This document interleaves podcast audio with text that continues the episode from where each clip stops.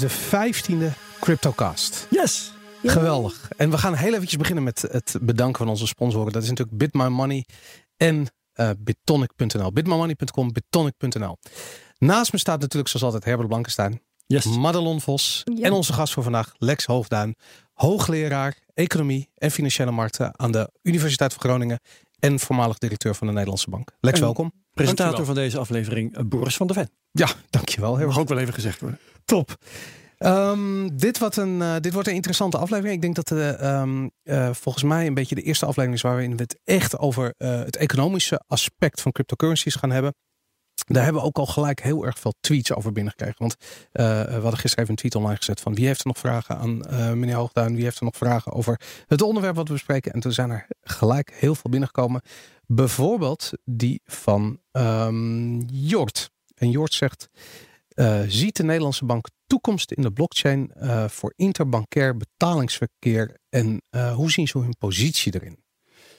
Ja, ik, ik kan niet namens de Nederlandse Bank eh, spreken, want ik ben Nee. dat voormalig eh, directeur van de Nederlandse Bank. Dus ik wil niet in hun eh, positie treden. Maar ik denk zelf dat, dat een van de potenties van distributed ledger technology en blockchain als element daarin ze- zeker toepassingen in het betalingsverkeer kansrijk zouden eh, ku- kunnen zijn. En, en hoe zien ze hun eigen positie erin? Want dat, ik vind, ben altijd zo, ik vind het een, het is zo'n eh, gesloten wereld. Dus het is heel moeilijk om daar een, iets uit te distilleren waarvan je kunt zeggen van nou dat is hun mening over cryptocurrencies. Nou, ik denk dat centrale banken in het, eh, in het algemeen, ehm, de een meer dan de ander, die, die kijken ernaar vooral vanuit het feit van, van ja, hoe betrouwbaar is het, hoe veilig, hoe veilig is het, hoe efficiënt eh, is het. Eh, dat zijn eigenlijk de, de eisen eh, waaraan de Nederlandse bank moet voldoen. En dan heb je eigenlijk de twee scholen in de, in de, in de wereld.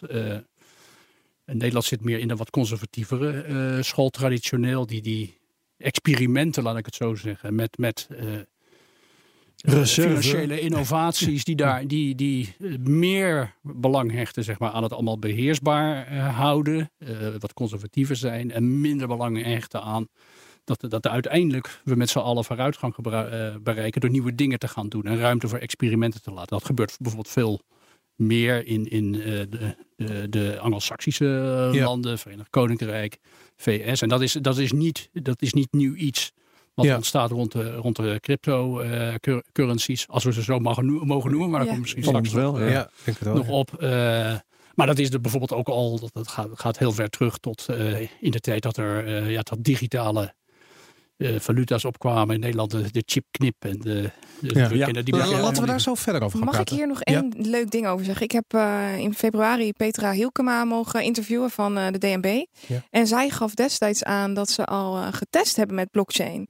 En ze hebben klopt, ja. drie eh, modellen gebouwd om te kijken hoe het werkt, eh, hoe de transacties verliepen. Ook om het minen te gaan testen.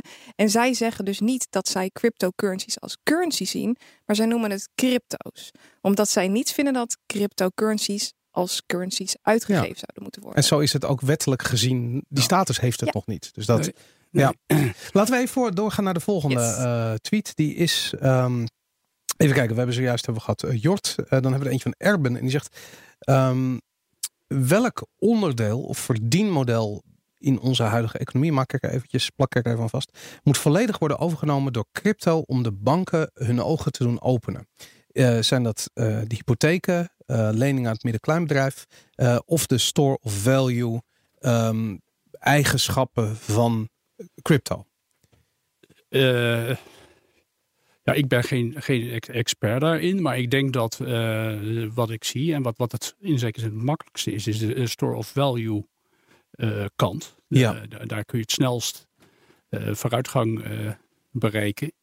Zeg maar in de andere aspecten van geld, rekeneenheid en ruilmiddel, eh, daarvan zal ik, denk ik later hier vandaag betogen, dat ik niet een crypto currency tussen aanstekers ken die, die aan die eisen voldoet op dit moment. Ja. hebben, eigenlijk hebben we, naar mijn idee, hebben we geen cryptocurrencies op dit moment. Ja, nou de store of value zou de belangrijkste eigenschap zijn voor een crypto om eh, eh, eh, een, een, een aanzienlijke belangrijke rol te spelen in het hedendaagse ja, maar daarom, daarom- ik, denk, ik denk dan eigenlijk dat ik het niet eens zozeer naar de store of value en de crypto kant kijk, maar ei- eigenlijk meer als je de, distributed ledger technology bekijkt, daar denk ik dat, daar, zie je al toepassingen ontstaan, dat die die het meest voor de hand liggen en het snelst geïntroduceerd. Het is eigenlijk een soort extensie van store of value natuurlijk. Dus dat, dat Nou, ja. met Ja. distributed ledger technology bedoel je blockchain toepassingen Blockchain die helemaal buiten de currency toepassingen kunnen liggen. Ja, eh, die ding moet je eh, denk ik Dus de hè. administratie van een supply chain of iets dergelijks. Ja, en, en, en dat heeft eh, natuurlijk economische effecten die, die ver voorbij de financiële sector gaan. Ja. En die, die heel erg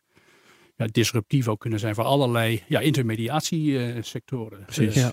Van accountants Notariaat. tot, tot, tot, tot, tot het recht, het notariaat. Ja, ja, ja, ja. Goed, en, en een vraag die een beetje in het verlengde daarvan ligt. Ehm, eh, dat is een vraag, die, die gaat als volgt. Eh, welke nieuwe use cases zijn nodig eh, om de centrale banken echt, voordat de centrale banken echt last gaan krijgen van bitcoin? En dan is vraag daarbij of het in last krijgen, het kan ook een voordeel zijn natuurlijk. Ehm, want, eh, zegt de vraagsteller, het huidige gehannes en gepoker tussen eh, 5000 dollar en 10.000 dollar boezemt de centrale banken waarschijnlijk niet veel angst in. Eh, Ik denk dat het laatste, eh, laatste waar is. Ik denk dat het, dat het Maar niet veel vertrouwen ook. Eh, nee, maar ik denk dat, het, dat het, het, het, het probleem dat crypto, en laat ik het woord currency even weg moet eh, oplossen, is dat het eh, eh, door de manier waarop het gebouwd is en werkt op dit moment niet kan, niet kan dienen als ge- volwaardig geld. En volwaardig geld is eh, in de eerste plaats in, indirect ruilmiddel, rekeneenheid en oppotmiddel. Oppotmiddel is een soort afgeleide eh, functie. Er zijn veel meer vermogenstitels die dat hebben. Maar het gaat om indirect ruilmiddel en eh, rekeneenheid. Wil je die functie kunnen vervullen, moet de prijs van het goed dat die functie vervult, dat geld is, moet redelijk stabiel Ja. eh, zijn. En ik zie nog nergens Nee. een crypto asset, laat ik het dan maar zo even noemen. Dan- dat, dan dat, moeten we die, nog dat, die, dat, dat, kan opleveren. Ehm, als laatste tweet hebben we eh, eentje die ik denk een beetje gericht is aan Madelon. Eh, een algemene vraag. Hi team. Eh, deze wordt gesteld door Arjen Jans. Ehm, hoe kan het dat de markt zo snel weer daalt terwijl 90% van het nieuws positief is? Is dit pure marktmanipulatie door grote spelers? Ja, daar hadden we het er vorige week natuurlijk ook over. Er was zoveel positief nieuws rondom Bitcoin en cryptocurrencies in het algemeen. En als we eh, dit in december hadden gehad, dan was de koers door het dak geschoten. En nu Ja. gebeurde er eigenlijk helemaal niks. En ehm, ik zag dat Boris ook al verder, eh, verderop een, een, een itempje heeft staan over eh, ja, de, de Mount Cox whale. Laten we hem zo noemen. Ik Mhm. denk dat er wel degelijk manipulatie plaatsvindt. Ja. En eh, dat we dat op grote schaal hier eh, zien, dat dit een voorbeeld is. Nu moet ik wel zeggen dat het niet zo hoeft te zijn dat positief nieuws standaard een, een koersstijging oplevert. Nee. Het kan ook prima even een poosje stabiel blijven. Nu is, eh, is Bitcoin en overige cryptocurrencies die zijn heel erg gevoelig voor, voor nieuws. Ehm, waarom dan nu 90% van het nieuws positief is en, en de markt alsnog naar beneden gaat? Nee kijk, een Ik jaar, weet het niet. Een jaar geleden zagen we dat een gerucht dat een bepaalde cryptocurrency samen zou werken met McDonald's. En het bleek uiteindelijk te gaan om een lokaal filiaal ergens in Ja. Thailand. Het ging helemaal nergens over. Maar de prijs van die currency die verdubbelde vervolgens. Ja, maar Ja. het kan toch ook gewoon zijn dat de zeepbel veel groter is geweest dan wij allemaal dachten. Dat, het- maar, en dat dat gewoon geknapt Dat is de in lucht er nog december, niet januari. en volledig dat, eh, uitgelopen is. Ja, nou dat, dat zou heel goed kunnen. Eh, als je het hebt over de prijs, wat er nu gebeurt. Het is wel de hele tijd zo dat we eh, van de, ehm eh, de Mount Gox eh, nalatenschap, zullen we het maar zo even Ja. noemen. De hele tijd 8000 eh, eh, ehm, eh, bitcoin zien verschuiven uit de wallet van de bewindvoerder naar exchanges. Vervolgens zit er een week tussen of een paar dagen tussen. En dan begint Bitcoin te dalen. En dan zie je eigenlijk dat de, dat de selling bots op een gegeven moment Mhm. de hele tijd op het moment dat, dat die resistance punten geraakt worden. eh, of die supportlijnen geraakt worden. Een zak ze doorheen en, dan- en dan wordt er weer Het doorverkocht. moet je wel in een perspectief plaatsen natuurlijk. Want 8000 bitcoin is relatief weinig. En ook als je kijkt naar het 24 uurs volume, dan zou het nog meevallen in principe. Wat dat teweeg zou kunnen brengen. Ehm, waarom het nu zo, zo rustig blijft. Ik, als ik kijk naar het volume. Ik zie dat het volume ontiegelijk laag is. Lager dan eh, dat we in eh, tijden hebben gezien. En ik denk dat dat ook een grote rol speelt. Op het moment Ja. dat, dat er weinig commotie is. Er komt überhaupt weinig nieuws naar buiten. Ook al is het relatief positief. Eh, ik denk dat dat ook een, een hele, hele belangrijke factor is. En zijn dan ook effecten van bijvoorbeeld een grote partij die 8000 bitcoin dumpt groter doordat het volume zo laag is? Daar durf ik geen antwoord op te geven. Oké, nou ja, dat, het blijft natuurlijk een beetje koffiedik kijken. Dat Ja. snap ik ook wel. Goed, laten we doorgaan eh, met het nieuws. Ehm, we hebben allemaal nieuwtje. Eh, Lex, heb je nog iets gezien in het nieuws de afgelopen week? Ik, ik heb eh, even na- nagedacht. want Ik ben heel erg bezig met allerlei andere dingen. Er gebeurt een heleboel eh, in de wereld. Ik heb niet een specifiek bitcoin of cryptocurrency Oké, eh, gerelateerd eh, ding. Ik ben heel erg bezig met eh, wat er in Italië gebeurt, in Turkije gebeurt, Argentinië gebeurt. Ja. Voorstellen van de Europese Commissie om nieuwe, nieuwe safe assets te gaan introduceren. Mag ik dan een vraag aan jou stellen? Want Ja. je noemt Argentinië. Ja. Ehm, toen eh, in Argentinië eh, allerlei financieel onheil losbarstte, toen, heb ik nog getwitterd. eh, Argentinië wordt het volgende land waar bitcoin een kans krijgt. In navolging van bijvoorbeeld Zimbabwe en Venezuela. Ja, zou Denk je dat kunnen. dat zo is? Dat zou zomaar kunnen. En Turkije zou- ik aan die lijst willen, Ja. willen, willen toevoegen. Want, want inderdaad, als, als het bestaande geldstelsel bevredigend functioneert, waarom zou je dan naar iets anders, iets anders gaan? Nou, Argentinië is evident dat, het- dat daar problemen zijn. Turkije, Venezuela en Zimbabwe, de Duitse currency is gewoon is, is weg, eh, Ja. weggeïnfleerd. Dus dan moet je eh, wat anders. En ik, ik denk dat Argentinië is niet in een situatie van, van eh, hyperinflatie. Maar het is een, al decennia natuurlijk lang niet goed functionerend geldstelsel. Tot En ze zijn nooit echt hersteld. steeds Ja. hun toevlucht in de dollar als het Ja. niet goed gaat. Dat is een wereldwijd fenomeen. Enkele landen in de, in de, in de euro. Maar als je een geloofwaardig alternatief eh, hebt eh, buiten centrale banken eh, om, buiten de overheid om, dan, is, dan kan dat een eh, concurrent eh, worden. ja. Maar dan moet het aan die eisen voldoen die we er net eh, bespraken. het kan natuurlijk Nou, ook zijn dat die verhalen... Dat ben ik niet met je eens. Want in Zimbabwe en Venezuela functioneert die bitcoin, ook al is hij, zoals jij zegt, eh, voldoet hij niet helemaal aan al die eisen. Toch? Dus, dus de situatie in, eh, in het plaatselijk geldstelsel kan zo afschuwelijk zijn dat zelfs de bitcoin, om zo te ja, zeggen. ja, maar dan, werkt, dan beter eh, werkt. dat, dat, eh, ja, eh, dat is waar, eh, denk ik. Eh, alleen of dat dan een meer permanente oplossing is, dat, dat, Ja. dat vraag ik Ja. me dan wel, Dat moet dan nog wel af. Ehm, Als we terugkijken in het verleden, ik kan me herinneren dat veel mensen begonnen zijn in Bitcoin in 2013 eh, na Cyprus. En Cyprus was een schoolvoorbeeld van wat er gebeurt op het moment dat je denkt dat je spaargeld veilig staat Ja. bij een bank. En dat blijkt niet zo te zijn. Ja. Eh, en dat had zo'n olievlek-effect ehm, op, eh, op veel mensen die op dat ogenblik naar een alternatief gingen zoeken en bij Bitcoin uitkwamen. Ik kan me voorstellen dat deze crisis misschien eh, die kant op gaan. Nou ja, ik, kijk, kijk in, het, in het algemeen. Hè, als we gewoon even teruggaan. Zeg maar, het, het op zoek gaan naar privaat geld is natuurlijk een veel eh, oudere eh, traditie. En eh, het is denk ik ook niet toevallig dat dat ja, belangrijke grondleggers of, of eerste gebruikers, of hoe moet ik het maar noemen, van bitcoin uit de libertaire hoek komen. En ik denk dat het, de interesse voor bitcoin en ook mijn interesse voor bitcoin is, is verder aangewakkerd door, door de financiële crisis van 2008 meer in het algemeen. Waar je ziet dat de, de huidige officiële geldstelsels, eh, nou, om wat voorzichtig te zeggen, niet, niet perfect. eh, Zekere gebreken perfect vertonen. zeker, zekere gebreken eh, vertonen. En het interessante is dat de officiële zeg maar, analyse van wat de crisis van 2008 was, eh, zit eigenlijk, dat is eigenlijk niet eh, gerelateerd aan mankementen in het geldstelsel, maar is meer van eh, slecht gedrag van banken, bankiers, eh, te, te kleine buffers in het eh, bankwezen. En die officiële verklaring, die mist volkomen, eh, mijn zinziens, de onderliggende, een van de belangrijkste, ik denk de belangrijkste onderliggende wortel, is de, de, ja, wat ik noem de ontankering van het geld, die we de laatste 40, 50 jaar hebben Ja. gezien. Ja. Wat is de ontankering van het geld? Dat Ja, begrijp ik even niet. Dat is, dat is de, tot, tot 1971, we kunnen dat eigenlijk heel de precies... gouden standaard. Ja, de, de- de- het stelsel van Bretton Woods. eh, dus het stelsel dat na de Tweede Wereldoorlog is geïntroduceerd. En dat is niet een, een pure gouden standaard. Dat was een systeem waarin alle munten in de wereld eh, gekoppeld waren aan de dollar. En waarbij de dollar aan goud was gekoppeld. Maar dan via de centrale bank. Dus je kon niet met je, als, als privépersoon met je dollars naar de centrale bank gaan en goud eisen. Maar je kon wel als centrale bank, bijvoorbeeld van Nederland, naar Amerika gaan en zeggen: Ik wil eh, goud, ik wil dollars inwisselen voor Ah, eh, goud. En dat ja. systeem is te, te, gegaan begin jaren 70. Ja, onder Eh, geloof en en dat heeft in gang gezet ja, een ontwikkeling via stappen. En die, die, die, de ankering van geld. Hè, dus als er een koppeling is tussen de dollar of de euro en goud. Dan is goud is het anker van het geld. Ja. Omdat goud reële waarde eh, heeft.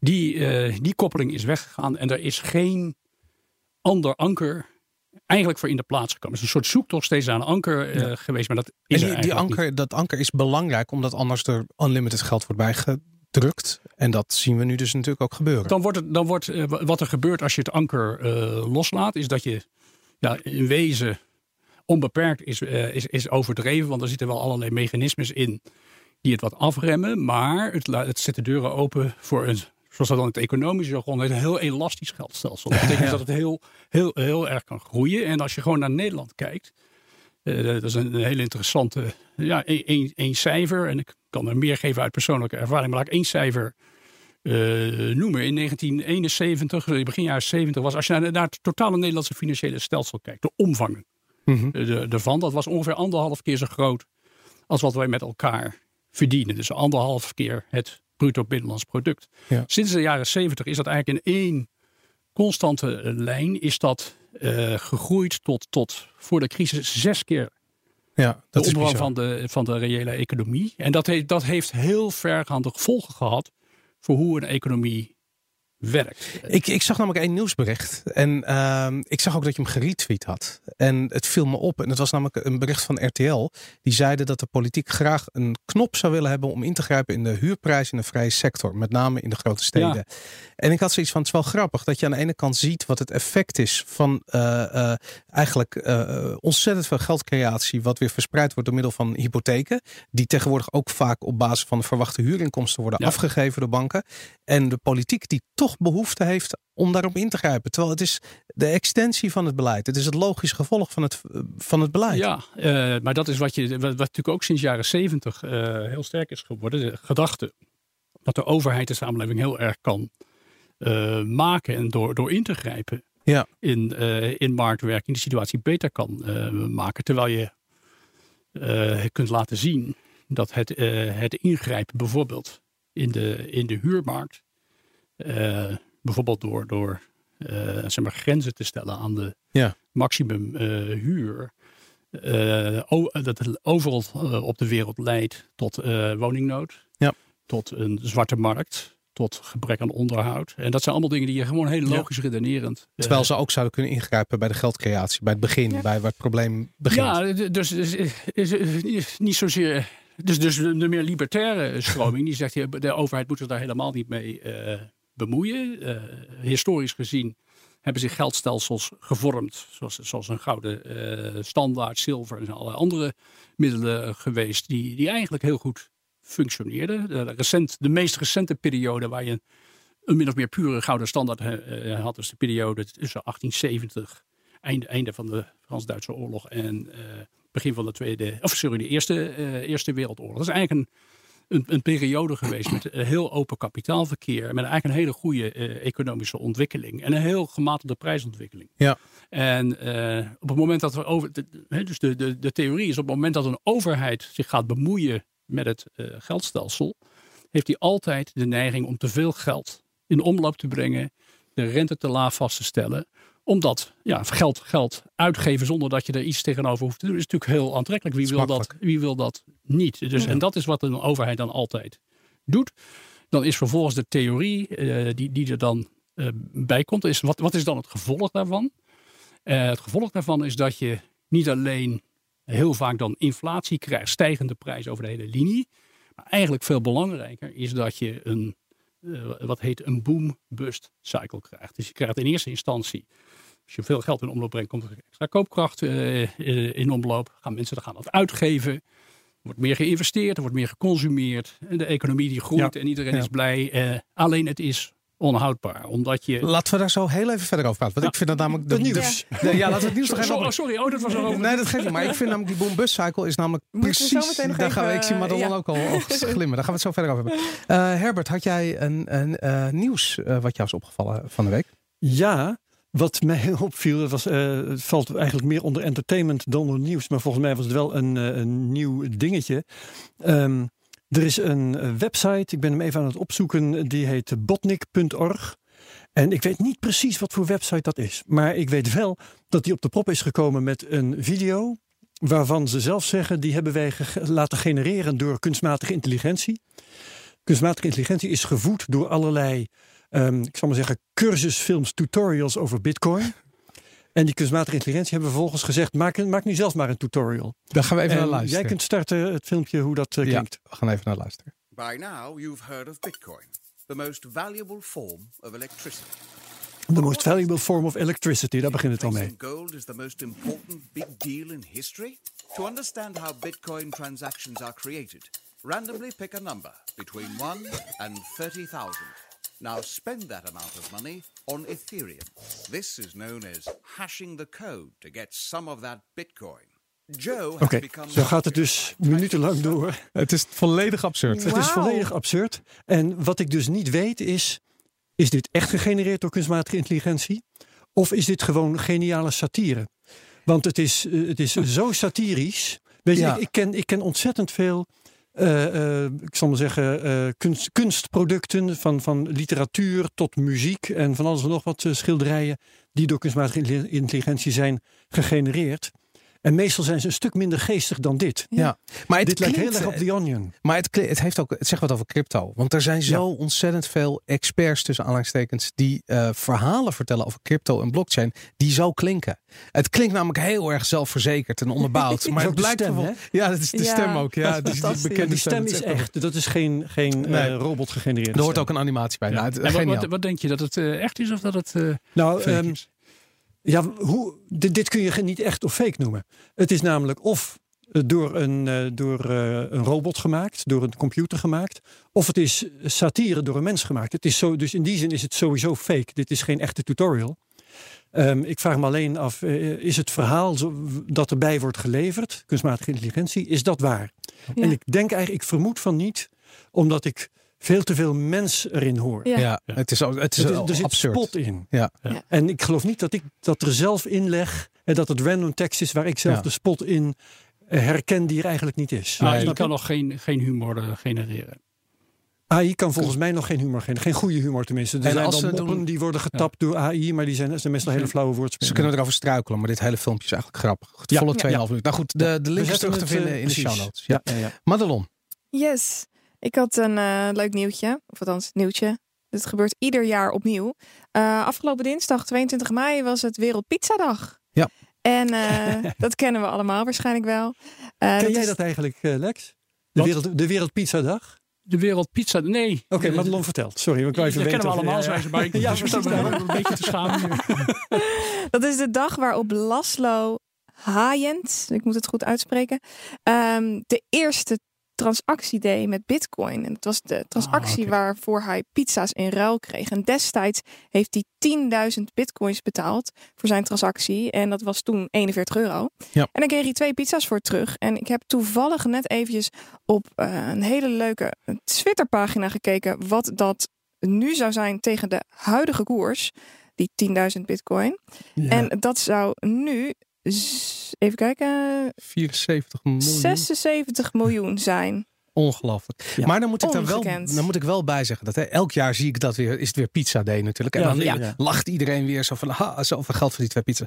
Maar laten we eerlijk wezen, die man is onsterfelijk geworden. Ja. Die Ja. heeft maar 10.000 bitcoin betaald om de eerste te zijn die met bitcoin een transactie heeft gedaan. En de kans bestaat dat ze over 100 jaar nog steeds Over bitcoin... het is de Neil Armstrong van de bitcoin. Ja. Daarom. En stel je nou voor dat je, eh, ik zeg maar wat, veel meer hebt dan 10.000 bitcoin. Is 10.000 bitcoin voor onsterfelijkheid dan niet gewoon heel erg goedkoop? Het, is, het is te gek. Ja, dat wordt heel filosofisch. Maar ik, zal, ik zal het je sterker vertellen, want ik heb voor mijn boek Ja. eh, heb ik dit nageplozen. En eh, het is eh, heel waarschijnlijk op grond van wat er achteraf allemaal, eh, eh, allerlei eh, chats in Bitcoin Talk heet het geloof Ja, ik, hè, dat forum. daarin is dit nog bewaard gebleven.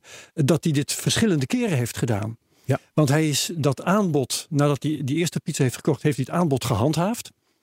En er zijn eh, eh, verschillende mensen geweest die hem in de loop van de maanden die volgden erop hebben gewezen van joh, die 10.000 bitcoin van jou, dat is nu 600 dollar. Geef je dat Ja. echt nog voor twee pizza's? En hij heeft dat nog een keer gedaan. En ergens pas, eh, dat, eh, de aankoop, de eerste aankoop was geloof ik in mei. Ja. En pas in november heeft hij het ingetrokken. ah, ja, ja, ja. En het is dus vrijwel zeker dat hij in de tussentijd verschillende keren nog 10.000 eh, bitcoin heeft En wa- en betaald wat, voor is, paar wat, is, pizza's. wat is er van hem geworden?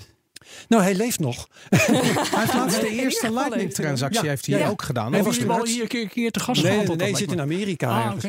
Ah. Maar hij, ehm, hij is sindsdien natuurlijk ook diverse keren geïnterviewd. En hij heeft helemaal geen spijt. Net wat Nee. jij zegt, eh, Boris. Hij zegt ja, eh, die 10.000 bitcoin, dat was toen... eh, en dat heeft trouwens ehm, Armin van Rome Armin, Arwin...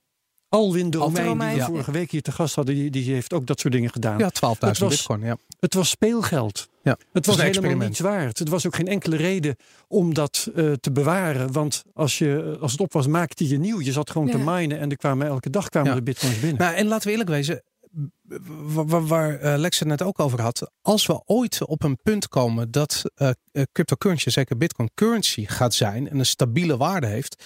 We gaan er nooit komen als er niet iemand is die als eerste het als currency gebruikt. Dit was als het experiment. moment waarop Bitcoin van een virtuele valuta naar een digitale valuta overging. Ja. Dus het moment dat het niet meer gebruikt werd als speelgeld, maar dat we er echt iets voor en terug niet konden krijgen. juridisch gesproken, maar gewoon Ja. als dat, dat iedereen die ermee bezig was dat zag als visie Hey, van dag Ja, Ja. inderdaad. Prachtig. Ja, Mooi. Ja, ik heb, eh, wat mij opviel is dat wij eh, eh, drie weken geleden hebben wij nieuws gebracht dat eh, onderzoekers aan de TU Twente een eh, theoretische aanval op Bitcoin hadden bedacht. Ja. En er is natuurlijk, eh, in theorie is het altijd mogelijk om een 51%, 51% aanval uit te voeren. Als je 51% van alle miningkracht eh, ter beschikking hebt, dan kun je transacties in een, in bijvoorbeeld in het Bitcoin-netwerk, kun je manipuleren of terugdraaien, dat soort dingen. Ehm, zij hadden bedacht dat je hebt helemaal niet 51% nodig als je maar die timestamps manipuleert, zodat het lijkt dat je eh, eh, van tevoren geminde blokken in één keer op de chain eh, loslaat. En daardoor lijkt het alsof je een 51% aanval uitvoert. Terwijl in feite je veel minder hashing power nodig hebt om al die blokken te minen. Nou goed, technisch verhaal hadden ze in, theorie eh, bedacht. Hartstikke leuk. Groot applaus kregen ze. Eh, en nu zien we dat het ook daadwerkelijk wordt toegepast. Uh-oh. Eh, desalniettemin op Bitcoin, maar we hebben het al eh, op Monero gezien. En Verge, daar schijnt de aanval heel erg efficiënt te zijn. Daar is hij inmiddels al twee keer uitgevoerd, waarbij alle betalingstransacties op Pornhub van Verge, eh, die toch al gauw een miljoen dollar per dag zijn, Zo. eh, eh, zijn teruggedraaid en gestolen zijn. Dus eh, de theoretische eh, aanval bedacht door de TU Twente wordt nu ook daadwerkelijk in de praktijk gebracht door hackers. En die maken dankbaar gebruik van het onderzoekswerk van deze onderzoekers. En dat, eh, dat is toch ook wel weer eh, eh, voer voor een hele filosofische discussie die we hier vast een keer in de aflevering moeten, ja. moeten voeren. En Ja. dat vanuit Nederland. Dat vanuit Nederland. Ja. Dus het schijnt toch dat we er goed in zijn. Maar in een klein land groot kan Ja, zijn. Precies. Goed. Hey Boris, eh, ik, ik doe nog één nieuwtje ertussendoor. Dat, Ja. dat is verder de moeite niet waard, maar ik vind het toch leuk om te vertellen. De afgelopen week zijn we met eh, ons eh, account op Twitter, CryptocastNL, door de duizend volgers heen gegaan. Geweldig. Ik heb ja. vlak voor dat gebeurde, heb ik nog even getwitterd, jongens, help ons over de grens. En dat gebeurde ook onmiddellijk. De duizend eerste volger heeft zichzelf ook eventjes op het eh, podium gehezen. Daantje heette die, geloof ik. Maar eh en counting, want we zitten nu op, eh, as we speak, in, tijdens de opname op 1028. Dus het Ja. gaat lekker door. Ja, en wanneer zijn jullie begonnen? In februari. Oh, dat is snel. Ja, Ja. dit is eh, de vijftiende aflevering inderdaad. Goed, laten we snel doorgaan eh, met de prijsanalyse. Madelon, want oh, oh, oh, oh, wat gebeurt er allemaal? Daar gaan we. hou je vast, hou je vast.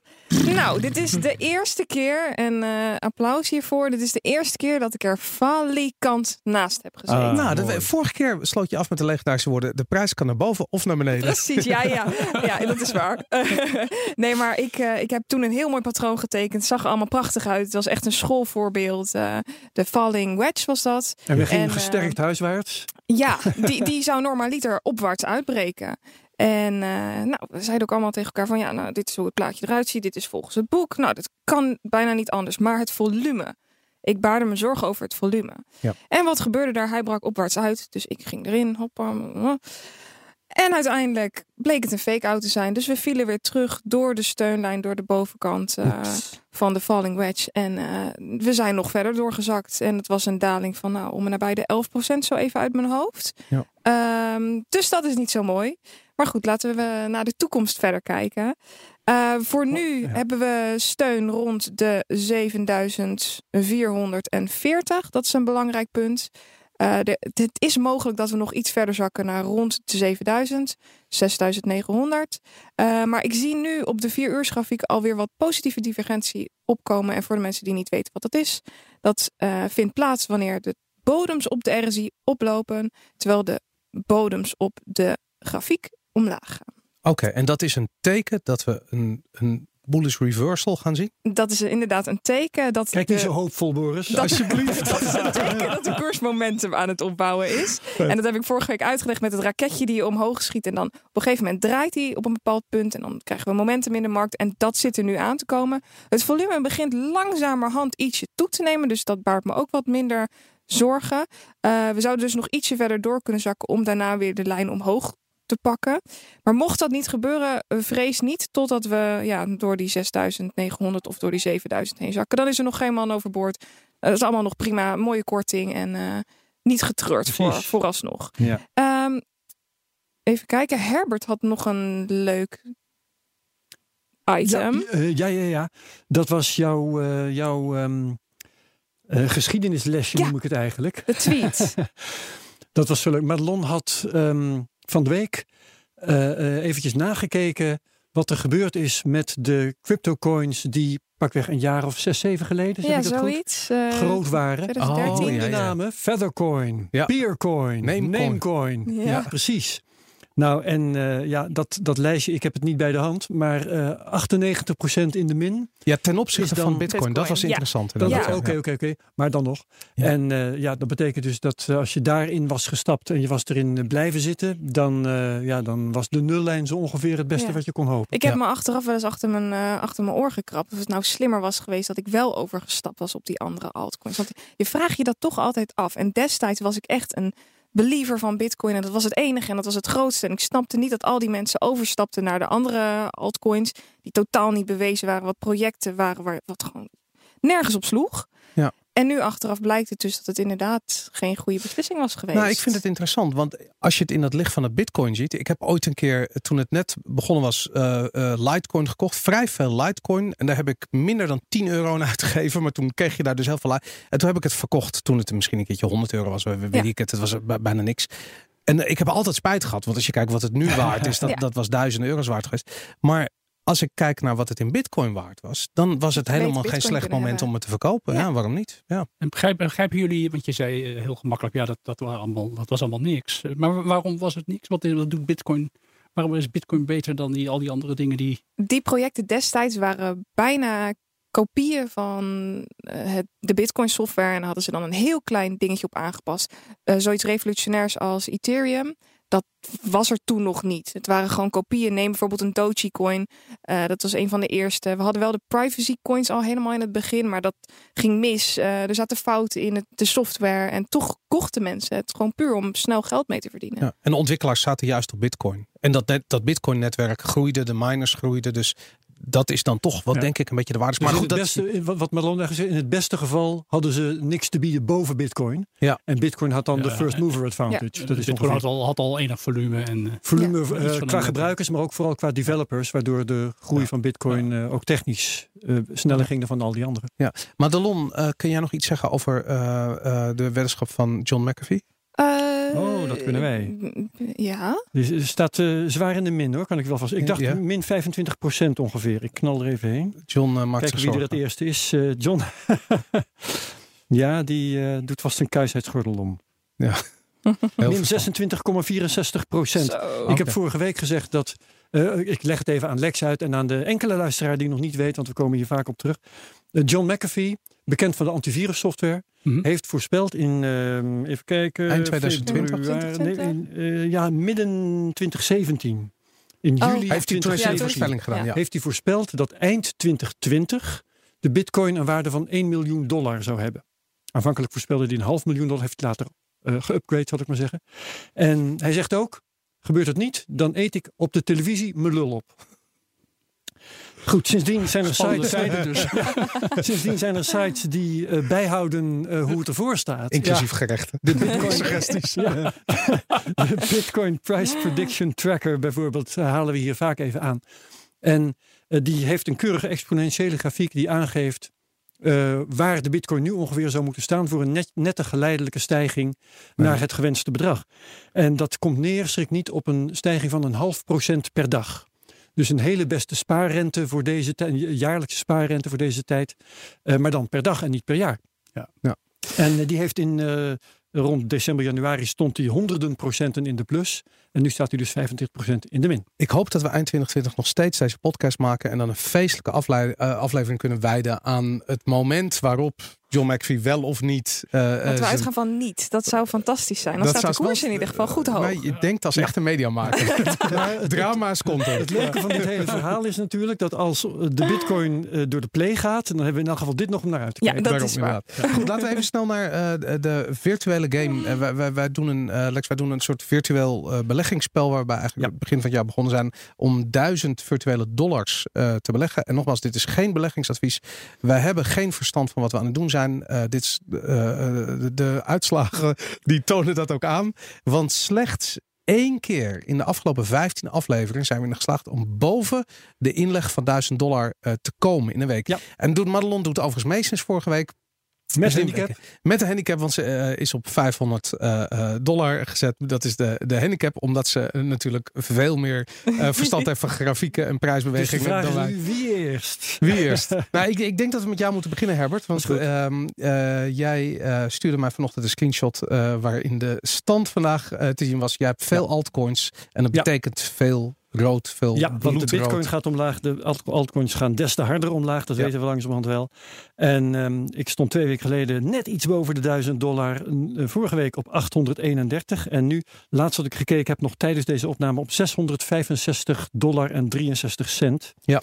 En eh, ja, dat, eh, al die altcoins, de NIO en de Walton Chain en zo die ik heb, die staan catastrofaal in de min. Die staan Ik onder de het. 50. Ik heb, ik heb ze in pakjes van 100 dollar op dit moment zitten. 100 originele dollars, oorspronkelijke dollars. Dus de eentje die staat En, zelfs op eh, 51 dollar. Dat is Ja, er stond er zelfs eentje onder de 50. Oei. Dus Oh, eh, ik wil het allemaal niet meer weten. Oh, ja. Heel pijnlijk. Het is maar goed dat het virtueel is. Oké, nou ik heb het eh, iets minder dramatisch gedaan. En met name omdat ik eh, heel conservatief ben en gewoon eh, de helft in bitcoin eh, weer heb teruggestopt. Ehm, dus het verlies is enigszins beperkt geweest. Eh, ik sta nu op 869,52 dollar. Maar goed, het is geen feest. Maar dan Madelon, haar eerste week.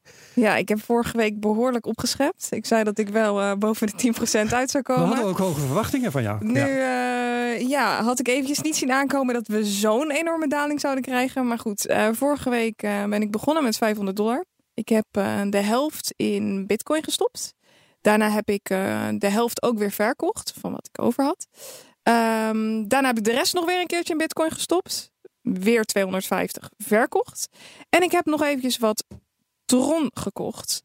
En toen kwam ik uit op...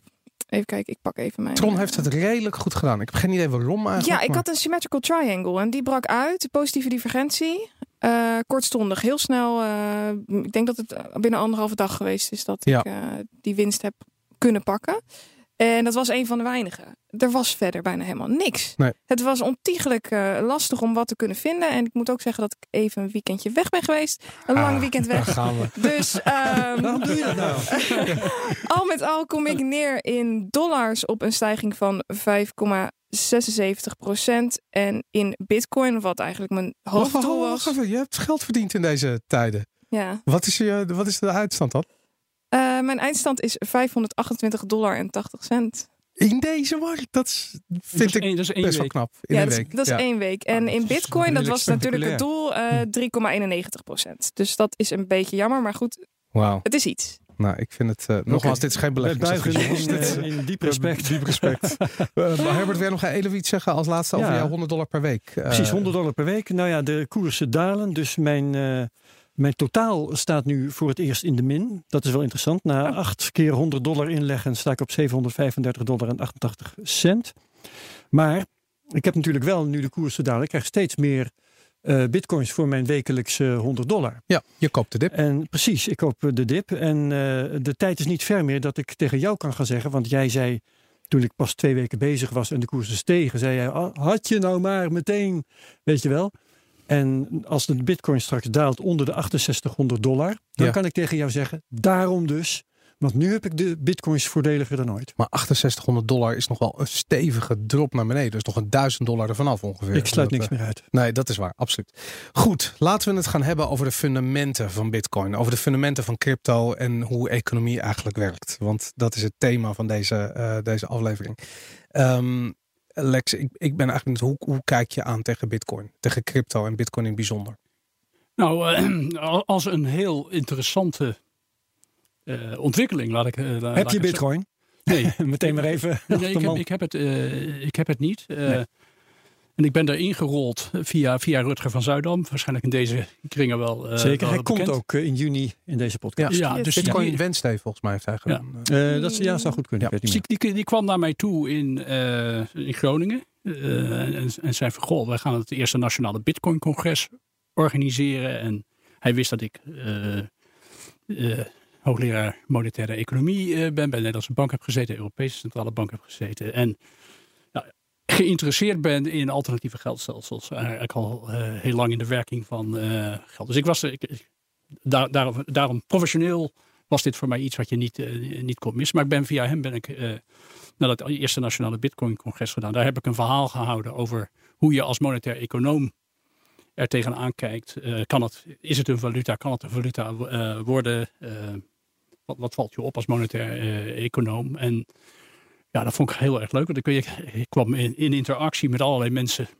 eh, die nog minder verstand van geld hadden dan ik van bitcoin eh, had. En dat, dat, dat, dat, dat, dat is, dat is gewoon dat is, dat is heel... eh, heel- Kenschets jij zo de meeste bitcoin-enthousiastelingen? Mensen die eigenlijk geen verstand van geld hebben? Nou, dat, dat, dat, dat mag ik niet zeggen, want ik, Nee. ik, ik ken die, die mensen niet. Maar in ieder geval, wat ik weet is dat ze geen. Laat ik, laat ik het iets nuanceren. Dat ze veel minder dan ik wisten van monetaire theorie. Wat je van die monetaire Dat theorie mag eh, ja. vinden. Ik denk dat dat, dat, dat wel, eh, wel waar is. En ik, dat was, het was heel interessant om, om zeg maar, met, ja, met, die, met die groep in, eh, in aanraking te komen. Toen vervolgens, toen, toen bleek dat e- eigenlijk het interessante aan bitcoin voor veel mensen niet zozeer het valuta, al dan niet aspect, is het monetaire aspect, maar veel meer de onderliggende technologie. Dus volgens mij is er na het eerste nationale bitcoin-congres nooit een tweede eh, gekomen. Is, is overgegaan in een blockchain of eh, weet ik het hoe het eh, Ja, nu ja, heet. ja. Ben ik ook nog een paar keer, eh, paar keer geweest. Dus mijn, mijn, mijn eh, interesse komt, komt uit, de, uit de interesse in de, in de monetaire theorie. Voor een deel ook over de, door de zorg die ik heb over wat ik zie in de, in de noem het maar even de conventionele eh, geldstel, eh, geldstelsels. Ja.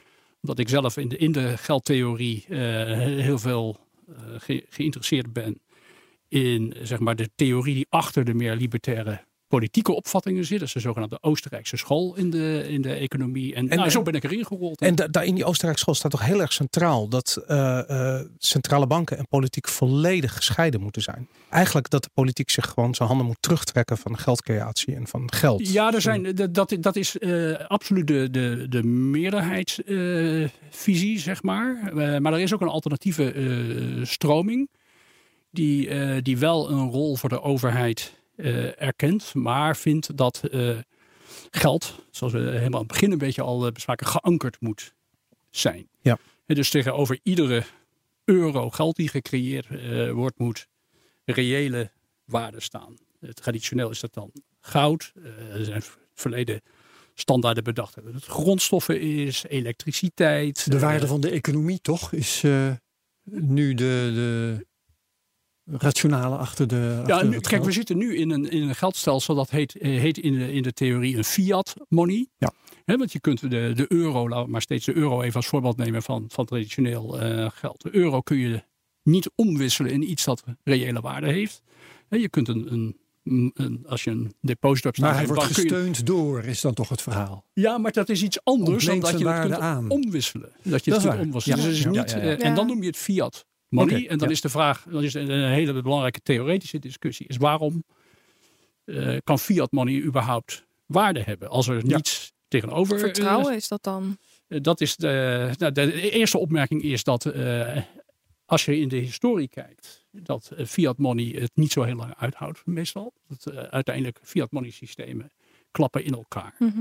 Eh, gemiddelde duur van een fiat money systeem is, eh, is, is een jaar tussen ergens tussen de 40 en 50 jaar. En Oh, dat- daar zitten we nu dat is op. wel heel ja, we zitten nu, we zitten, Ja, ja, sinds, ja. dat is inderdaad interessant als je, eh, heel precies die gemiddeldes uh, neemt, sinds 71 zei ik net, zijn we, zijn we weer in een periode van fiat money uh, terecht uh, gekomen. En nou, reken maar uit. We zitten... Nee, maar dat is heel interessant, want um, in de discussies tussen bitcoin-enthousiaste, crypto-enthousiastelingen en ik zal zeggen de gevestigde financiële orde, hoor je vaak de gevestigde financiële orde zeggen, bitcoin klapt in elkaar.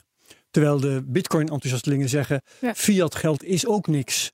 En dat zeg jij eigenlijk nu? Nou, dat is, dat is eh, ik, ik gaf het dus even vanuit die Oostenrijkse school van de economie, waar ik zelf, uh, die vind ik heel plausibel. Daar ben ik zelf een zeg maar, aanhanger van, voor zover je als wetenschapper ergens aanhanger van uh, kan zijn. Maar die vind ik heel, uh, heel interessant.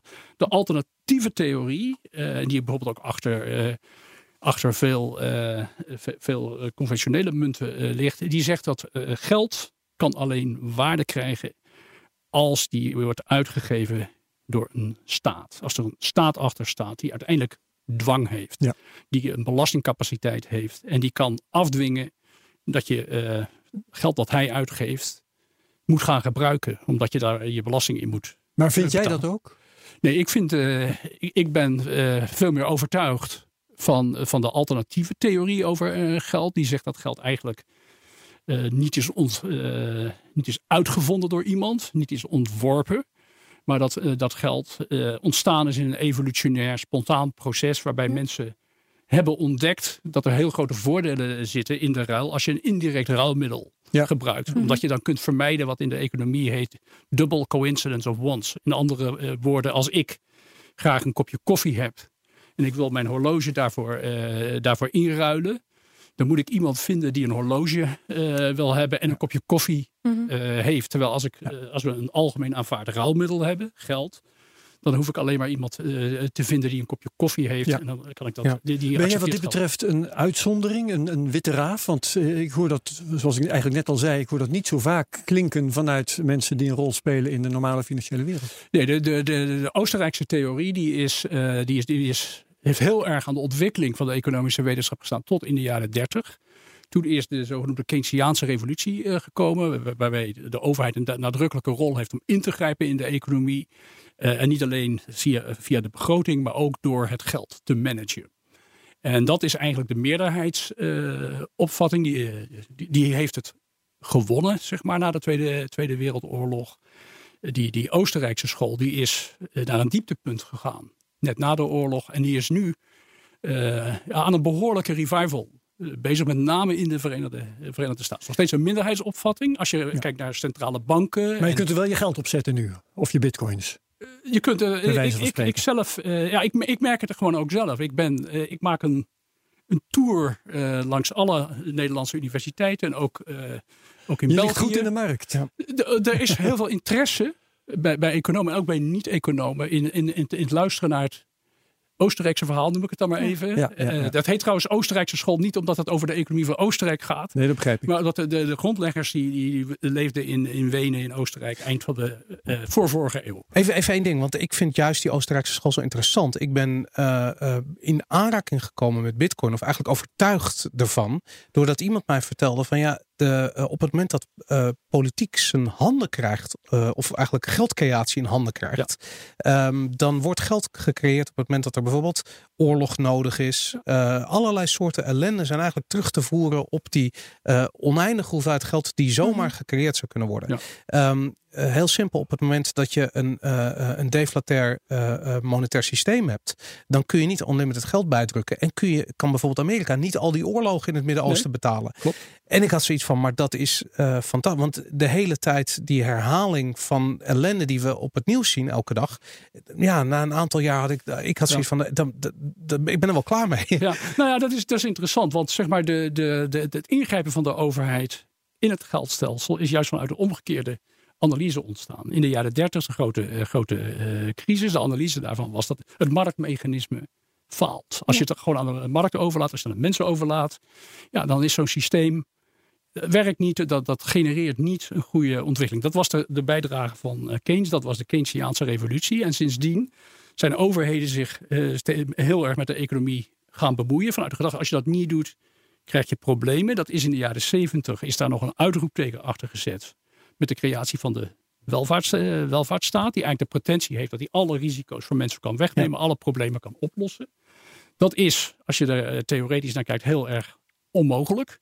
En dus eh, helpt het heel erg als je controle hebt over een geldstelsel. Waarbij je eh, gewoon geld kunt uitgeven zonder dat je er zelf iets voor hoeft te, te doen. En dan krijg je Ja. ja. de problemen die dan die Oostenrijkse theorie voorspelt dat gaan eh, komen. En waarvan dan anderen weer zeggen, ja zie je, eh, de overheid is niet de oplossing, maar juist het probleem. Maar de libertariërs die zijn juist bang, omdat inderdaad de overheid dat handhaaft. Eh, ik bedoel, het is verboden om zelf geld bij te drukken. Het is, eh, Ja. ik bedoel, ze handhaven dat echt actief. Die zijn dus bang dat zometeen de overheid Bitcoin gaat handhaven en andere crypto's gaat handhaven, omdat dat is nou eenmaal wat een overheid doet met geld. Dus ik zie een botsing.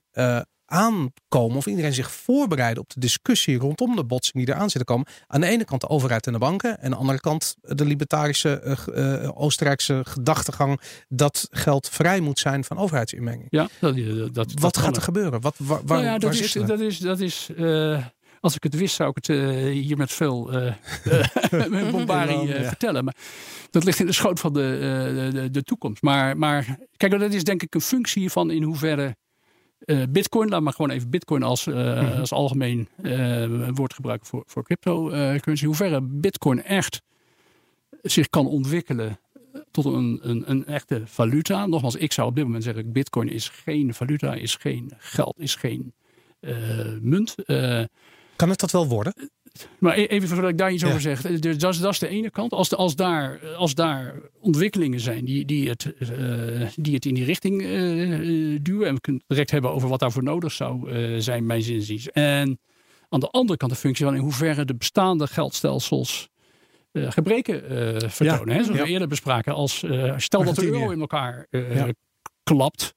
Nou, dan dan komen we in een, vrees ik, een heel chaotisch iets terecht. En ja, dan is in ieder geval de, de, alternatieven krijgen dan, de krijgen dan een kans. Ja, en eh, daar is Bitcoin is er dan, is er dan, eh, is er dan één van. Overigens verwacht ik op dat moment dat overheden dat eh, naar zich toe trekken. Antwoord op je. eh, Ja, op Want je- dat is wat ze doen binnen dat, die dat is wat ze, wat ze willen gaan doen. Dat zie je in het, heel, in het algemeen met allerlei nieuwe technieken die de potentie hebben om zeg maar de, de, de burger zelfstandiger te maken, autonomer te maken. En ik vind de hele blockchain-technologie is daar een perfect voorbeeld eh, van. Dat kan, dat kan dat heel, veel, heel veel sectoren zeiden we eh, ondermijnen of, of disrupten, of hoe Ja. eh, moeten we het noemen. Nou, de belangrijkste daarvan is misschien de overheid.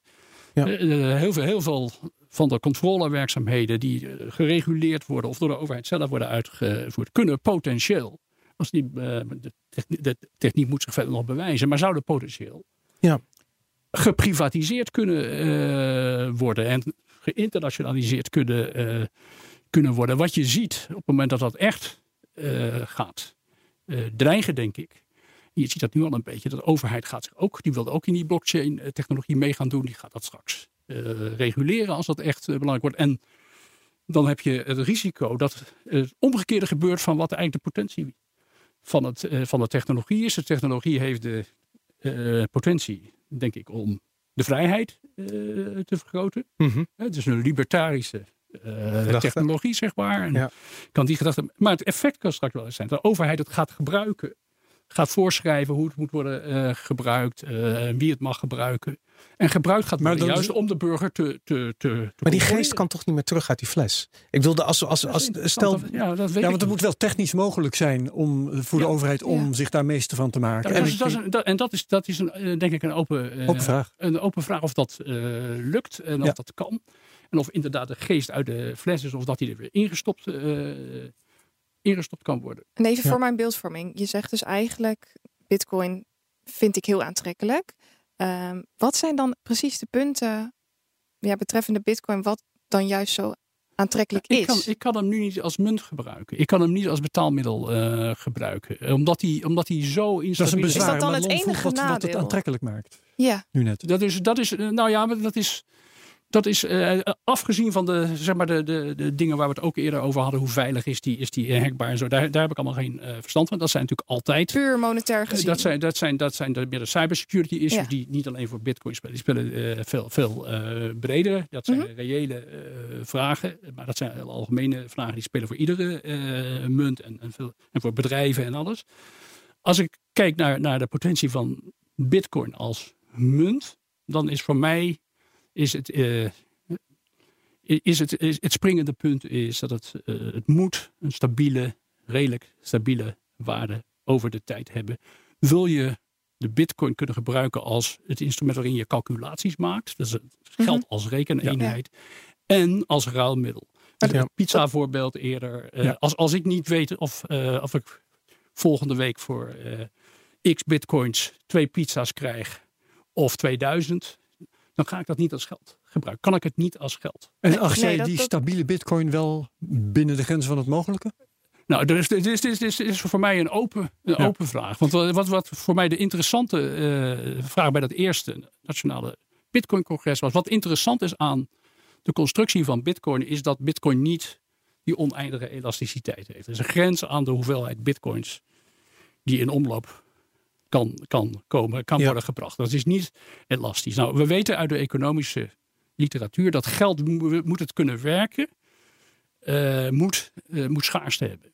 En eh, als, het, als het oneindig elastisch is, er zoveel van in omloop kan brengen als je wilt, dan, dan, dan heeft het geen waarde. Is in feite de waarde nul. Want je kunt er gewoon Ja. Naar, naar willekeur Dus dat is goed geregeld, Dus, dus ik vond vanaf het begin dacht ik, hey, dit is interessant. Omdat je hier een, een algoritme hebt, een, een regel hebt, eh, in feite, die, die, ervoor zorgt dat, dat het aanbod beperkt is. Wat er nou van, voor iemand die, die eh, geïnteresseerd is in, in geldtheorie interessant is, dat kennelijk, wisten we eigenlijk ook wel, eh, maar dat- je ziet het nu in de praktijk, dat kennelijk dat beperkte groei van het aanbod een noodzakelijke, maar geen voldoende waarde is Ja. voor een stabiele waarde. Ja. eh, Maar, Dat maar dat ja. kan toch een, een, een, een oplopend proces zijn. Ik heb een keertje gelezen namelijk, het is me altijd bijgebleven, dat voordat geld een valuta kan zijn, of, of, of een asset een valuta kan zijn, Ja. dat het een, een, een, een soort reis moet doormaken die begint met het moet eerst een means of exchange zijn. Dus het moet eerst een ruilmiddel zijn. Vervolgens moet het een eh, store of value krijgen, dus het moet waarde eh, ontwikkelen. Eh, pas daarna wordt het een, ehm, eh, een, een, een, een unit of account. Dus dat je er ook weet van, nou dat brood kost 2 euro, dan is een euro is een unit of account. Ja. Ehm, en daarna pas is het echt een valuta. Dus als je kijkt, nou we zitten nu eigenlijk met dat store of value vraagstuk. Daar worstelen we mee van ja, is het nou eh 20.000 dollar waard? Is het nou 5.000 dollar waard? Niemand weet het, het verandert elke dag. Maar op een gegeven moment zijn we daar klaar mee. Dan, dan is er een waarde die is op 1 januari min of meer hetzelfde als op 31 december eh, een Ja, jaar de later. prijs bedoel je dan? De prijs, Ja. inderdaad. En dan zijn we klaar met het store value verhaal. En dan kunnen we gaan kijken van is het een unit of account? Is het een eh, daadwerkelijke currency? Ja, dat is, dat is een, een verhaal dat ik niet eh, ken. Dat is in ieder geval niet een verhaal wat zeg maar in de economische theorie over geld eh, een rol speelt. Daar zijn eh, ru- ruwweg twee, twee theorieën over hoe geld waarde kan krijgen en hoe een, een, een goed of een vermogenstitel eh, geld kan worden en waarom het waarde kan hebben. Dat zijn wat, wat heet de state theory of money. Eigenlijk hadden we het er eerder al een beetje over. Dat is de enige manier om een munt te krijgen, is dat er een overheid achter zit. Die hem, eh, die hem uitgeeft, die kan afdwingen dat je belastingen die die overheid eh, eh, heft, eh, bij, aan die overheid bepaalt. Een overheid die ook kan afdwingen dat je je aan de contracten eh, houdt eh, waarin eh, gehandeld wordt in die, eh, in die munt. Zonder een overheid zal het je nooit lukken om een valuta eh, te creëren. En als dus dat- als, sorry? Als dat dan geregeld wordt via een smart contract bijvoorbeeld, dat alle contracten vastgelegd worden door middel van smart contracts, dat je eigenlijk een zelfsturend rekensysteem hebt, zou dat een Ja, mogelijkheid wie, maar zijn? wie, wie bepaalt, wie bepaalt de, de onderliggende regels van het smart contract? Wie, eh, wie, wie, wie, wie bepaalt eh, wat er gebeurt als er iets gebeurt wat niet in het contract voorzien is? Want complete contracten bestaan niet.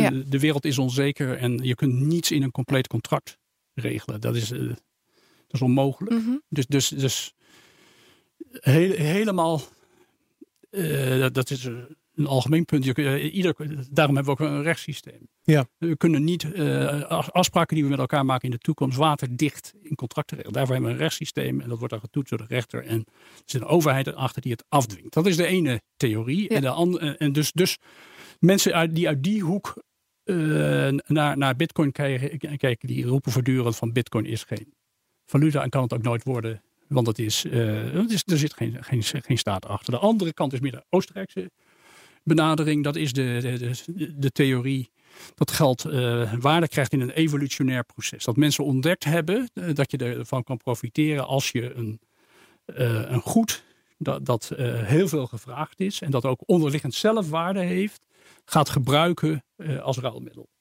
Nou, dan moet dat goed moet aan bepaalde fysieke eigenschappen eh, voldoen. Eh, het moet, moet niet, hoe noem je dat, bederfelijk, Mhm. bederfelijk zijn. Het moet in porties te delen zijn. Er hebben nog een aantal fysieke eigenschappen. die mede verklaren waarom we in de historie vaak op, op metalen uitkomen. Dus overigens zijn er allerlei andere goederen ook als geld, geld gebruikt. Maar uiteindelijk kom je metalen uit. Maar dan is vervolgens ook van belang dat dat goed, wat het uiteindelijk redt, wat het wint, moet eh, eh, aan het begin intrinsieke waarde hebben. Want je kunt niet van een eh, economie waar gewoon directe ruil plaatsvindt, in één keer stappen naar een economie die geld gebruikt. Ja. Iemand moet beginnen met bijvoorbeeld te zeggen, nou ik wil, ik wil eh, van jou dat kopje koffie hebben en ik bied niet aan de, het horloge wat jij wil hebben, maar ik bied aan Schelpjes. schelpjes of wat Ja. dan ook. Dan moet jij, als die economie zich nog niet tot een ruileconomie heeft ontwikkeld met geld, moet jij iets in die. Die schelpjes moeten voor jou iets, iets waarde hebben. En dan geleidelijk gaat iedereen die schelpjes Ja. ontdekken. En dan wordt de waarde ook mede bepaald door de rol die het heeft als ruilmiddel. Dus die Maar daar gaat die discussie nu altijd. Die, die, ik zie hem altijd als ik, als ik discussieer met mensen die bijvoorbeeld heel erg pro-goud zijn. Dan, dan eh, s- eh, strandt die discussie op dat wat is de, eh, de, de intrinsieke waarde van bitcoin. Ja. En, ik heb, Ja. en ik, op een gegeven moment ben ik erover gaan nadenken. En ik realiseer me bijvoorbeeld, ik, ik heb een gaming achtergrond. hè. Ik heb mijn hele Ja. leven videogames gespeeld. En ik merk dat heel veel mensen die in crypto actief zijn, dat Ja. ook hebben. En als je dat doet, dan leer je eigenlijk dat eh, eh, digitale assets eh, intrinsieke waarde hebben. Omdat het zo ontzettend veel tijd kost om ze bijvoorbeeld vrij te spelen. Dus gamers wennen vrij snel aan het eh, idee dat een digitale assets waarde kan hebben. En ik, Het ik merk vertegenwoordigt een investering, om zo te zeggen. in bij wijze spreken, of dat nou tijd of energie is of wat dan ook. Ja, dat kan, dat kan, dat kan verklaren waarom het. eh, sorry, dat kan verklaren waarom het een, een, een- bodemprijs eh, is. Hè? Dus Ja. als je eh, in het bi- Bitcoin-algoritme, zeg maar, waar het steeds meer computertijd kost om een Bitcoin eh, coin te mijnen, betekent dus dat je steeds meer computertijd eh, moet inleveren. En dat, dat doe je alleen maar als, de, als je denkt dat de waarde van die Bitcoin minstens zoveel waard is als de computertijd die je moet eh, Ja. investeren. Dus dat, dat, eh, dat, dat element begrijp ik. Dan begrijp ik dat het een zekere waarde kan, kan hebben. Maar dat, dat is nog niet. Daar heb je nog niet zoveel aan als je het als een ruilmiddel wil, wil, wil gebruiken. Het eerdere voorbeeld van, de, van, van de, het Bretton Woods eh, systeem. Als ik de- de- niet vertrouw, als ik ba- bang ben dat er te veel bitcoins in omloop eh, komen, kan ik niet die bitcoins inruilen in CPU-time of, eh, of, of een ander Ja. onderliggend goed. Dus ik denk dat, eh, dat dat het probleem is van de eh, volatiliteit. Dus de interessante vraag is, is er iets te bedenken eh, of in het algoritme of is het gewoon noodzakelijk dat je uiteindelijk een, eh, een instantie hebt, dat kan ook privaat eh, zijn, die, die iets, eh, die, een omru- die een omruil garandeert en iets dat in- intrinsieke Zou waarde het, heeft. zou het niet, want want ik zie namelijk nu veel discussie dat bijvoorbeeld eh, eh, Bitcoin een soort eerste laag is, eh, vergelijkbaar met goud, waar bovenop functionaliteit wordt gebouwd, waarbij eh, er nu eigenlijk de, de discussie speelt van zijn niet de transacties die op een bovenliggende laag plaatsvinden, eh, met als onderliggende waarde die Bitcoin. Dus dat Bitcoin niet een, een iets heeft waarvoor je het kan inruilen, maar dat er iets bovenop komt wat je tegen Bitcoin zou kunnen En inruilen. Bitcoin heeft dan wel die basis eh, intrinsieke kijk, waarde, dat net als dat goud dat dan heeft. Ik, Ja. ik, ik denk dat, dat kijk, kijk, als je die, dat, nogmaals, het is een inter- hele interessante discussie. En ik, ik, ik weet niet of ik daar echt het antwoord op heb. Dat zijn juist de interessante eh, ontwikkelingen. Ik denk dat het omwisselen in Bitcoin gaat dat denk ik niet doen. Wat wel interessant zou kunnen zijn. Als je nou bijvoorbeeld, ik weet, en ik weet niet of dat, dat kan. Al- Als je zou kunnen zeggen, als ik een Bitcoin eh, heb en zeg maar dat we de, de, de kosten om het nu te, te minen x CPU-time, of hoe we dat ook maar uitdrukken, eh, zou zijn. Als er een instantie eh, zou zijn die zou zeggen: als jij eh, bij mij komt, krijg jij voor jouw Bitcoin x CPU-time. Ja. En die, die, die CPU-time aan en verkoopt. En als CPU-time voor gamers en dan hopelijk ook breder in de samenleving, als dat reële waarde heeft, dan wordt het interessant. Een ander, ander ele- onderliggende element zou bijvoorbeeld eh, energie Ja. kunnen, kunnen zijn als, eh, als onderliggend reëel eh, asset. Maar ik, ik, ik, voor mijn gevoel zijn we daar namelijk al bijna. Behalve dat de rekenwaarde van Bitcoin nog altijd in fiat wordt uitgedrukt. Dus op het moment dat eh, eh, eh, x kilowattuur gelijk staat aan één Bitcoin. En dat is beide kanten op uit te wisselen. eh, zonder dat daar een euro-transactie aan Ja. te pas komt. Dan, dan, dan zijn we daar. Ja, maar het, het, het- nee, dat weet ik niet. eh, misschien. Maar het, eh, even terug naar jullie eerdere Ja. virtuele eh, beleggingsspel. Wat, wat, wat je dan zou moeten kunnen, is dat je op een gegeven moment zou kunnen eh, zeggen: ik, ik vertrouw nu niet de, de, de koersontwikkeling van Bitcoin. Ik wissel hem om in x units CPU time. En dat, dat is nu nergens een instantie waar je dat kunt Dat zou moeten kunnen. dat zou, dat, zijn. dat, dat, Ja. zou, Ja. dat zou een interessante gedachtegang kunnen zijn. Ik, ik weet niet of het werkt, maar komend vanuit de theorie die, die zegt dat geld, geld kan zich alleen ontwikkelen als er iets reëels, wat, wat van zichzelf waarde heeft, onder ligt, dan zou dit een manier, eh, deze richting zou je dan moeten opdenken Ja. om, te, om te kijken of je Bitcoin in iets kunt ontwikkelen. Overigens kun je op echt zichzelf, denk ik, eh, bij Amazon kun je voor bitcoins. eh, eh, ik weet niet of je bij. Nee, bij Amazon kun je, bij Amazon kun je niet met bitcoins betalen, volgens mij. Nog Wel niet. Met, met eh, cadeaucertificaten. En je kunt bij Amazon CPU-time kopen.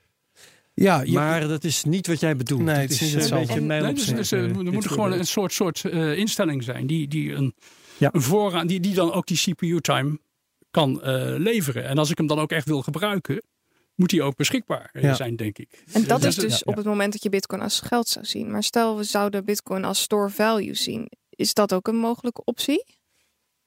Nou, ik, ik, ik denk dat het eh, op dit moment al als store of value eh, Bestaat. bestaat. Dat is in feite wat het, wat het nu is met een hele met, met een speculatieve eh, waarde. Dus dat, dat is het. Maar ik, ik- de discussie was van kan het ook een eh, alternatief zijn voor, voor een volwaardige valuta. En, Ja. en nou, daar, daar hoorde ik niet tot een school die zegt dat kan nooit omdat Nee. er geen overheid achter Hm. eh, zit.